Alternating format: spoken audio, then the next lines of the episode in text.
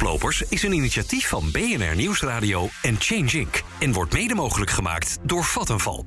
Samen werken we aan een fossielvrij leven binnen één generatie. BNR Nieuwsradio. Koplopers. Donatello Piras en Werner Schouten. We gaan naar buiten en leggen alles wat leeft onder de loep. Welke invloed heeft onze biodiversiteit op jou als ondernemer? In het Chinese Kunming moet dit najaar een verdrag worden gesloten voor het beschermen van de biodiversiteit. Het moet een soort Parijsakkoord worden. Dat is hard nodig, want de natuur staat wereldwijd enorm onder druk. Ik denk dat het nog wel veel wei- heel weinig bewustzijn is, zeker als het gaat over biodiversiteit. De productie van vlees kost gewoon superveel ruimte. En dat gaat ten koste van ruimte die ook natuur zou kunnen zijn. Nou, door de stikstofuitstoot is er in onze natuur een groot probleem ontstaan. Namelijk een dramatische afname van dieren- en plantensoorten. Die uitstoot moet dus omlaag. Je luistert naar een zomerspecial van Koplopers. Het programma over duurzame innovaties van BNR Nieuwsradio... in samenwerking met Change Inc. Ik ben Donatello Piras en samen met klimaatexpert Werner Schouten... duik ik in de wereld van de duurzame toppers in onze wereld. En deze week is ook weer niet zomaar een week, hè Werner? Nee, het is een bijzondere donderdag deze week, want het is aanstaande donderdag Wereld Natuurbeschermingsdag. En die is door de Verenigde Naties in het leven geroepen om mensen bewust te maken voor hun destructieve gedrag voor de natuur. Want ja, biodiversiteit heeft toch een beetje, denk ik, een imago-probleem. hè. Ja. Over klimaat horen veel bedrijven, horen veel mensen, maken ons druk. Maar Is ook veel kennis van, denk ik, inmiddels. Zeker. Er wordt, eh, we hebben al jaren, decennia hebben klimaattoppen. Ja. Biodiversiteit hebben we ook zulke toppen. Alleen horen we veel minder van. Veel minder. ja. Terwijl dat echt fundamenteel is aan ons bestaan op deze planeet. En zou er toch wel misschien wat meer aandacht naar moeten. Ja, laten we eens even kijken of we wat meer informatie eh, te pakken krijgen in deze uitzending. Ehm, en dan praten we daarna nog even door over hoe het wellicht beter kan. Later dit jaar vindt namelijk de COP15, de Biodiversity Conference, plaats in het Chinese Kunming. Dan moeten er nieuwe internationale doelen klaar liggen om de wereldwijde afname van biodiversiteit een halt toe te roepen. En daar gaan wij over praten met Louise Vet. Ze is emeritus hoogleraar ecologie aan de Wageningen Universiteit. Ja, onze biodiversiteit is in de afgelopen 50 jaar met 60% afgenomen. Momenteel wordt 40% van alle insecten wereldwijd met uitsterven bedreigd. Kortom, biodiversiteit wordt bedreigd. En even voor de luisteraar die nou, er nog niet zo goed in thuis is eh, in de biodiversiteit. Wat is jouw definitie van biodiversiteit? Nou, biodiversiteit is echt een moeilijk woord om mee te beginnen. Maar het is, dat is een heel veelomvattend eh, begrip. En het gaat niet alleen maar over soorten, over verschillende soorten. Het gaat eigenlijk over de verscheidenheid van al het leven eh, op deze planeet. En dat, zijn, dat is ook genetische variatie binnen soorten. En ook eh, ja, de ecosystemen waar die soorten toe behoren. Ze vormen samen een levensgemeenschap. En het zijn juist al die kleine verbindingen die, de- die dat zo ongelooflijk eh, ja, ik zal maar zeggen, krachtig maken, eh, zo'n ecosysteem. En van die ecosystemen, dat die goed functioneren, zijn wij dus allemaal afhankelijk. Ja, en, en dan toch ook nog even voor de luisteraar die niet direct doorheeft en denkt: ja, maar ja, jongens, eh, het is van alle tijden dat er bepaalde species, bepaalde planten misschien niet meer zijn en dan komen er nieuwe voor in de plaats. Waar, waarom is het zo'n probleem, dat verlies aan biodiversiteit voor ons? Ja, nou, het, het gaat nu wel heel hard. Hè. We zitten echt voor de zeg maar zesde eh, uitstervingsgolf die wij zelf hebben veroorzaakt. We hadden natuurlijk altijd wel dat soort uitsterven, maar dan heb je het over miljoenen jaren. Hè. Dan heb je het dus niet over een generatie waar we nu mee bezig zijn. Het gaat veel sneller ook. Dus het gaat ongelooflijk snel. En we denken dus echt dat we een miljoen soorten aan het verliezen zijn. En dat zijn dan vaak soorten die we nog niet eens kennen. Want een heleboel van de biodiversiteit kennen we nog niet eens. En dan zijn ze al uitgestorven. Ja. Waarom is het zo belangrijk? Nou, ik zei al, eh, die, die ecosystemen hè, die, die moeten het hebben van een diversiteit. Want die natuur die werkt heel erg aan risicospreiding. Daar kan je wel iets bij voorstellen. Als je allemaal verschillende soorten hebt en het wordt wat warmer, het wordt wat kouder, er is dan altijd wel een verliezer en een winnaar. Hè, dus die hebben allemaal hun eigen functie. En die kleine. eh, zeg maar samenhang, die samenhang met al die kleine verbindingen, die maakt het systeem zo robuust, zo krachtig. Dus dat Nou, geeft veel Als je nou veerkracht. soorten verliest, ja, dan stort dat systeem eigenlijk in. Ja, dus, dus het is alsof je een, een toren bouwt en eh, zeggen, laat, zeg, laten ze wel zien... en dan, dan, dan haal je elke keer een steentje uit die toren... en zo op een gegeven moment stort die in. Maar je weet niet precies wanneer zijn, dat is. Wat zijn dan momenteel de belangrijkste factoren die die steentjes uit die toren halen, die die afname van biodiversiteit veroorzaken? Nou, dat zijn echt drukfactoren. En een hele grote is uh, veranderd landgebruik door hele intensieve uh, uh, agrarische sector. Dat is in Nederland natuurlijk ook al heel sterk. Maar ook wereldwijd is de landbouw wel heel erg verantwoordelijk voor verlies aan biodiversiteit. en maar niet alleen de landbouw, het is ook de verstedelijking. Eigenlijk de ruimte die wij als mensen mee innemen. Dus de verstening, de verstedelijking, de infrastructuur. Overal verdwijnen plekken waar wilde planten en dieren uh, kunnen zijn. Dus het wordt heel gefragmenteerd. Uh, en daardoor, ja, je begrijpt het, dan, dan krijg je gewoon een verlies aan soorten. Ja, en dan kijken we naar, uh, vanuit BNR ook vaak vanuit financieel-economisch perspectief. En dan is biodiversiteitsverlies ook bedreigend, toch? Voor mij is eigenlijk klimaatverandering een soort uh, ja, symptoom van het feit dat we ons natuurlijk kapitaal aan het afbreken zijn. Want die hele biodiversiteit en die goed functionerende ecosystemen, dat is ons natuurlijk kapitaal. Daar moeten we het mee doen. En wij moeten gaan leven van de rente en niet van het kapitaal. Dat zal iedereen begrijpen. Nou, we breken het dus af en af en af. En, en dan, ja, dan heb je ook een groot klimaatprobleem. Want wat doet die natuur onder andere? Ook al die CO2 opnemen. Dus klimaat is eigenlijk een symptoom van uh, het grotere biodiversiteitsverlies. Juist. En ja, wat en- merken we in Nederland nog meer van dat biodiversiteitsverlies? Waar raakt ons dat nu al het hardst? Nou, we hebben natuurlijk hier in Nederland uh, krijgen we problemen met uh, de bestuiving van onze gewassen. Hè? Als, als, als, als er natuurlijk geen bestuivers meer zijn. Maar ook dat we zien dat onze grond achteruit gaat, waar we de vruchtbare. Nou, landbouw, wij willen vruchtbare bodem hebben om landbouw te kunnen doen, om al die producten te produceren. Zien we ook al Uh, teruggang in productie daardoor? Ja, we zien lijnen naar beneden gaan. Uh, uh, omdat eigenlijk een, een, een, bodem, daar zit de meeste biodiversiteit in trouwens. Hè, schimmels, bacteriën, kleine organismen. Dat zit in die bodem. Die zorgen voor een goed functionerende bodem. En wat wij doen is eigenlijk dat we, doordat we zo intensief uh, aan het boeren zijn, die bodem ook aan het uitputten zijn. Als we het even terugbrengen naar het, naar het bedrijfsleven. als je het even global ziet, dat hele GDP van, dus het hele bruto, bruto binnenlands product van, die, van de hele wereld, die is voor meer dan de helft afhankelijk van wat die natuur biedt. Ja. En dat wordt wel eens vergeten. Ja, en dat betekent dus, als je die niet, ja, dat is een enorm economisch risico. En, en een ander risico, en dat vind ik denk ik heel belangrijk voor ons. Als jij bezig bent als bedrijf, dan kan je nog zo goed CO2 proberen te reduceren. Maar als je bezig bent om dat natuurlijk kapitaal, die ecosystemen te vernietigen. Ja, dan wil, geen, wil niemand meer in jou uh, investeren of beleggen. Dat is gewoon, dat is gewoon uh, dan, dan ben je gewoon bezig met een, niet alleen een reputatierisico, maar een enorm financieel risico. Ja, Dus, kortom, dus die, ja, die negatieve invloed, die moet je proberen niet alleen maar een beetje minder te maken. Nee, je moet eigenlijk probeer ik met, met de financiële sector zover te komen dat we gaan kijken waar die financiële sector bijvoorbeeld alleen al een positief uh, invloed kan hebben op biodiversiteit in de wereld. Ja, en dat brengt ons bij de actie. Want nou ja, hè, er moet iets gebeuren, dat is natuurlijk al duidelijk. Uh, we lazen in een rapport van de Actieagenda voor Biodiversiteit... dat meer dan de helft van de betrokken partijen van dat actieplan commerciële bedrijven zijn. Nou, Ja. uh, de, hè, de overheid, ja, die, ik heb het regeerakkoord er nog even op nagelezen. De biodiversiteit staat er drie keer in. En ja, Dat is meest, weinig, hè? dat is weinig, maar het meest concrete zeggen ze... het regeerakkoord zegt dat ze verlies van biodiversiteit willen herstellen. Nou ja, en dat is nog niet heel erg smart. Dus wat, Louise, kunnen ondernemers nu betekenen voor biodiversiteit? Wat, kan Ja. er, wat, wat zijn de quick wins die we kunnen instellen?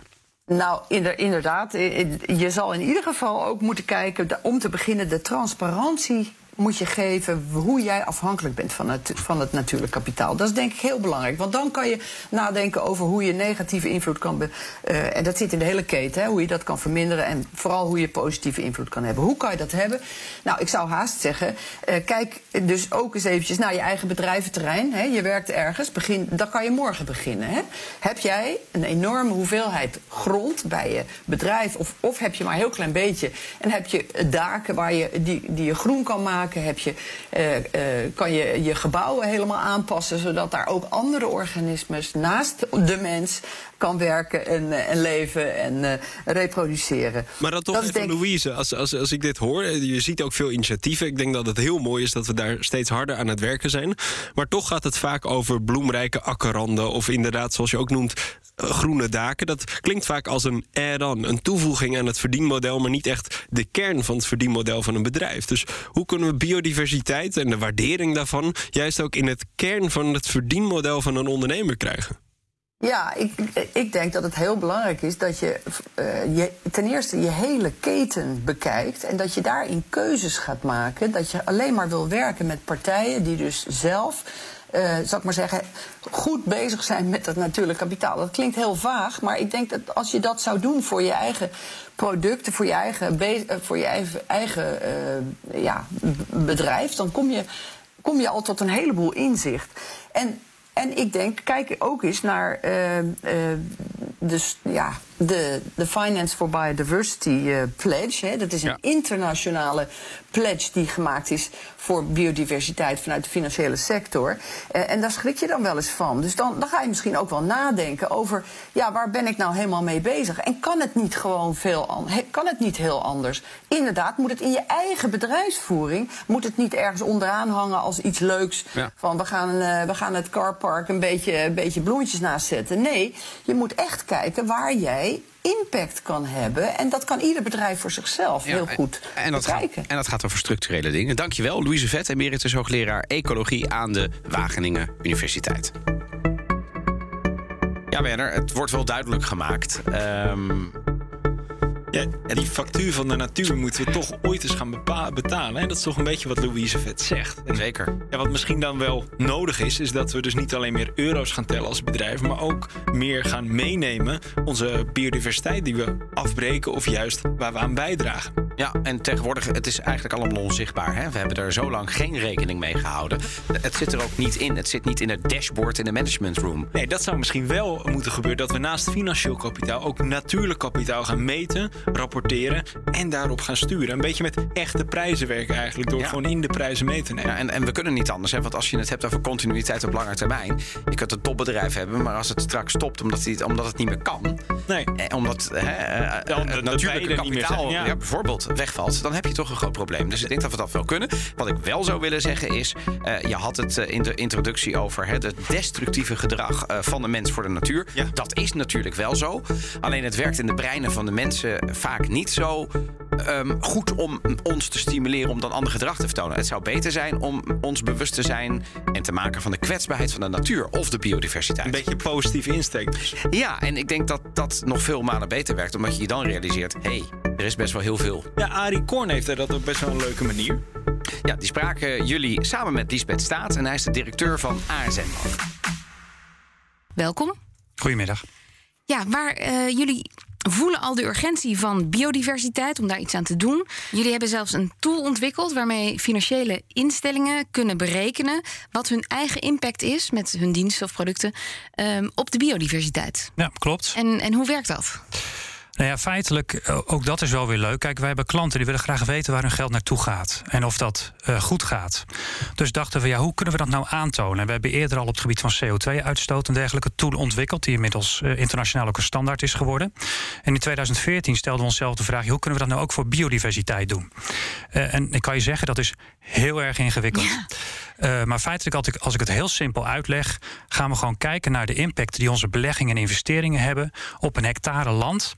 En als die impact negatief is, dan zeggen we feitelijk op die hectare land is verder geen enkel ecosysteem meer aanwezig. Dus daar is nul biodiversiteit. Dus hoe meer hectare in jullie meter, hoe slechter de impact? Hoe slechter het wordt. Hè? Ja. En ik, ik, kan je ook zeggen, op het gebied van CO2-uitstoot doet ASM-bank het met haar beleggingen en investeringen uh, best goed. Hè? We zijn daar uh, boven klimaatneutraal, om het maar even simpel te houden. Ook daar zit weer een hele theoretische bespiegeling onder, maar dat uh, ga ik niet doen. Als je kijkt naar de biodiversiteit, dan is de impact op dit moment negatief van onze beleggingen en investeringen. Dat is namelijk om nabij de 60.000 hectare negatief dus dat betekent vervolgens, want dat is het belangrijkste van die tool, is niet alleen dat we een rekentool hebben, maar dat we vervolgens ook als bank, als banken, gaan nadenken welke strategie hebben we nou nodig op de lange termijn. dus niet alleen op de korte termijn, maar ook de lange termijn, om ervoor te zorgen dat we die impact minder negatief maken, CQ, een positief effect hebben op de biodiversiteit. Want dat is ons doel. Wij hebben gezegd in 2030 willen wij een positief effect hebben op de biodiversiteit met onze beleggingen en investeringen. Dus, de, dus die koppeling tussen een bank en een, en een biodiversiteit is dus eigenlijk nog zo gek nog niet. Helemaal niet. Ik, Nee. las, eh, ik las laatst ook een rapport van de Nederlandse Bank. Die, die becijferde ook dat de financiële sector is blootgesteld aan eh 510 miljard euro aan activiteiten die zeer afhankelijk zijn van onze biodiversiteit. Moeten banken en bedrijven zich zorgen gaan maken? Nou, dat denk ik wel als we doorgaan in het tempo hè, ehm, waarin we nu zeg maar eh, alles met elkaar aan het doen zijn. Hè, het lijkt dat groei eh, een doel op zich aan het eh, worden is. Ik heb, die hebben jullie misschien ook gezien, maar de Netflix-documentaire Breaking Boundaries bekeken. En met onder andere Richard Attenborough daarin.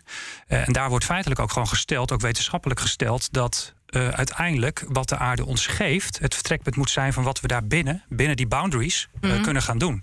En dat is feitelijk ook hoe wij nu naar de verlies- en winstrekening van de bank kijken. Ik zeg altijd maar zo: we hebben een CO2-winst- en verliesrekening gemaakt of een biodiversiteitswinst- en verliesrekening. Want wij zeggen zelf: wij willen werken aan een duurzame, rechtvaardige samenleving.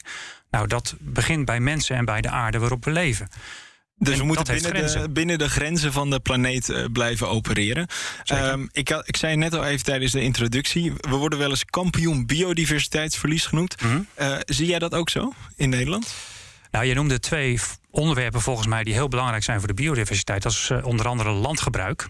Eh, dus dat is iets wat je natuurlijk eh, in Nederland ziet dat er veel intensieve landbouw plaatsvindt.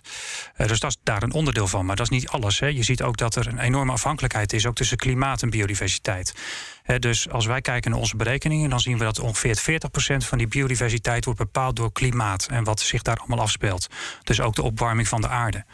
Dus ook bij biodiversiteit moeten we kijken naar goh, hoe kunnen we de CO2-uitstoot Dus beperken. die kan je eigenlijk tegelijk aanpakken. Exact. Maar je moet ook gaan kijken naar landgebruik. Dus hoe gaan we kijken naar andere vormen van eh, landbouw? Maar er zijn ook hele simpele vormen die we allemaal kennen. Van zet er een boompje bij. Eh, en ook dat is goed voor de biodiversiteit. Ja. Dan toch even kijken naar jullie eigen impact. Hè? Hoe kan je als bank nou een positieve impact hebben op de biodiversiteit? Eh, nou, dat bestaat eigenlijk uit vier stappen. Eh, en eigenlijk, eh, het klinkt heel simpel, maar de executie is heel moeilijk. Eén is vermijden. Dus dat doe je gewoon iets niet. Dus dat betekent, wij hebben al vanaf het begin gezegd... wij investeren niet in fossiele energie. Hè, dan heb je weer die afhankelijkheid van het klimaat. Wij investeren niet in zware industrie. Nou, zo kan ik nog een aantal, ook niet in chemie, et cetera. Dus dat betekent feitelijk dat we dat al niet op de balans hebben staan. Dus dat vermijden we dan. Nou, stel dat je als bank dat wel op de balans hebt staan... dan zou je jezelf de vraag kunnen stellen... zou het niet verstandig zijn om te gaan desinvesteren? Dus die hou je eruit. Dus die haal je er dan uit eh, als investering. Daar roepen we ook toe op. Hè. Ga desinvesteren alsjeblieft. Haal het eruit. Wat zijn die andere twee? Eh, nou, daarnaast kun je natuurlijk herstellen. Hè. Dus stel dat je ergens eh bos weghaalt, laat ik een simpel voorbeeld blijven noemen. Nou, dan plant je weer aan. Hè. Dus je zorgt dat je ecosysteem op orde blijft. En je kan natuurlijk ook kijken hoe je positief effect kan resulteren met projecten die een positief effect hebben op de biodiversiteit. Ja. Is er ook economische winst te behalen als je je impact op de biodiversiteit beperkt? Eh, zeker. Ja, er wordt wel eens gezegd dat elke investering in biodiversiteit een return voor de samenleving oplevert van tot wel 7 euro tot 200 euro. Maar die hoeven niet allemaal bij ASM-banks neer te slaan. Hoe zorg je ervoor dat jullie daar toch dan ehm, het brood van kunnen betalen? Nou, kijk, voor, voor, voor ons is het belangrijk als bank dat we een veilige, betrouwbare bank zijn voor onze klanten. Eh, dus dat betekent dat we een minimaal rendement eh, moeten halen. Dat is, dat is duidelijk. Dat betekent dat wij net als elke andere bank eh, investeren in woningen in de vorm van hypotheken. Wij zetten een deel van het spaargeld van onze klanten uit in obligaties. Edoch, wij zeggen daarbij wel, daarbij wel, als het gaat om die woningen, willen we gaan kijken in hoeverre we klanten, consumenten kunnen helpen om die woning te verduurzamen. Als het gaat om die obligaties, kijken we naar landen waar de mensenrechten niet worden geschonden. Dus wij leggen er eigenlijk nog een toefje op.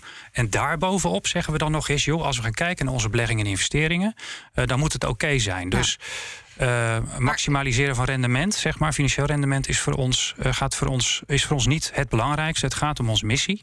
Maar de combinatie van financieel en maatschappelijk rendement is echt te maken. Want dat lijkt me inspirerend voor ondernemers als ze naar jullie kijken. Dat, daar willen ze aan meedoen. Ja. Maar als het een beetje heet onder de voeten wordt, dan gaan ze toch voor de financiële prikkel. En misschien niet zo voor de lange termijn duurzame prikkels. Nee, maar ik je, kijk, je kunt jezelf als ondernemer moet je volgens mij zelf de vraag stellen: waar staat de wereld over 10 tot 20 tot 30 jaar? Ik heb net aangegeven dat zeg maar, het tempo waarmee we dat nu doen en het gebrek aan aandacht voor onderwerpen zoals eh, natuur, klimaat en mensenrechten, dat dat onvoldoende is. En eh, ja, we kunnen onze ogen wel blijven sluiten, maar er moet wat gebeuren. Dus dat is één. Dus hoe ga je dan je bedrijfsmodel daarop aanpassen? Hè? Die vraag zou een Shell zich ook moeten stellen, bij wijze van spreken. Het andere wat ik zie is dat wij in contact eh, komen met heel veel duurzame ondernemers. We hebben een platform voor de wereld van morgen. We hebben ook jaarlijks een ASM Bank Wereldprijs, waarin we de, de beste prijs op de drie pijlers van ons duurzaamheidsbeleid, of de drie- beste drie ideeën, zeg maar, eh, nou ja, prijs, eh, ja. prijs geven, belonen. Ja, en je ziet een aantal van die duurzame ondernemers zijn heel erg succesvol. Hè, laat ik er een paar noemen. Zeepje, ik weet niet of jullie Ja. het kennen. Staat inmiddels op de schappen in, in diverse supermarkten. Eh, nou, die deden volgens mij in 2014, als ik het goed zeg, mee aan de ASM Bank Wereldprijs. Wonnen niet. Die werden tweede, daar baalden ze van. Eh, maar Joni won. Eh, nou, dat staat, hè, dat is een, eh, ook onder andere maandverband voor, voor eh, uiteraard eh, dames. Eh, maar wel heel erg biologisch Duurzaam, en ja. duurzaam. Eh, nou, dat zijn allemaal voorbeelden van duurzame ondernemers die juist, Ja. denk ik, meegaan op de stroom van jongens, we moeten wat gaan doen met klimaat en biodiversiteit. En wat is jouw advies aan ondernemers? Eh, om dat perspectief mee te nemen en te gaan praten met ondernemers die al een stapje verder zijn. Nou, dat, dat kan ook ASN dus faciliteren. Hè. We hebben een platform waarin die ondernemers elkaar kunnen ontmoeten. Eh, daar hebben we ook ervaring mee. Dat zou mijn advies zijn. Neem het mee in je plannen. Dankjewel, Arie Korneef, directeur van de ASN Bank. Ja, biodiversiteit is dus echt hot en happening. Niet alleen binnen de ASM-bank trouwens, maar ook in de brede financiële sector. Maar ASM-bank is wel echt een koploper met een doel voor po- een positieve bijdrage aan de biodiversiteit hebben vanaf 2030. Dat is wel echt heel erg heel snel, hè? Ik bedoel, want dat moeten we niet vergeten. Ehm, Supersnel. en tegelijkertijd denk ik, eh, als we het dan over impact hebben... want je hebt dit soort koplopers nodig. Daar Ja. maken we onder andere dit soort programma. Ehm, maar ehm, als je gaat kijken naar het marktaandeel... dan eh, heeft de ASN natuurlijk niet... Hè, de 82% is in handen van drie, de drie grootbanken in Precies. Nederland. Kortom, zouden die niet ook mee moeten? Ik ben razend benieuwd wat bijvoorbeeld de biodiversiteitsimpact van de Rabobank Eh, is. Want die zitten zo oude groot in de landbouw. Ja. Ja. inderdaad. Dus die, ik weet niet of die een hele positieve impact hebben. Maar ik denk als ASN dit in kaart kan brengen, dan moet de Rabobank dat toch ook kunnen. Juist, en misschien zijn ze er nu wel bang voor... maar ik denk, meet is weet. Dus als je het in kaart bent, kun je er ook iets aan gaan doen. Ja, en zo trekt Aring met de ASM-bank, dus die hele financiële sector, toch weer mee om, om een positievere impact op biodiversiteit te hebben. Een echte koploper dus. Kijk. Dank voor het luisteren naar deze zomerspecial van Koplopers over biodiversiteit. Volgende week hebben we het over verpakkingsvrij boodschappen doen. Ook belangrijk natuurlijk. En wat ook belangrijk is, Werner natuurlijk, mocht je Koplopers een mooi programma vinden, Geef ons dan alsjeblieft vijf sterren. daar hebben we oprecht heel veel aan. Bedankt voor het luisteren. Tot volgende week. Koplopers is een initiatief van BNR Nieuwsradio en Change Inc. En wordt mede mogelijk gemaakt door Renewy. Voor een circulaire economie. Want afval bestaat niet.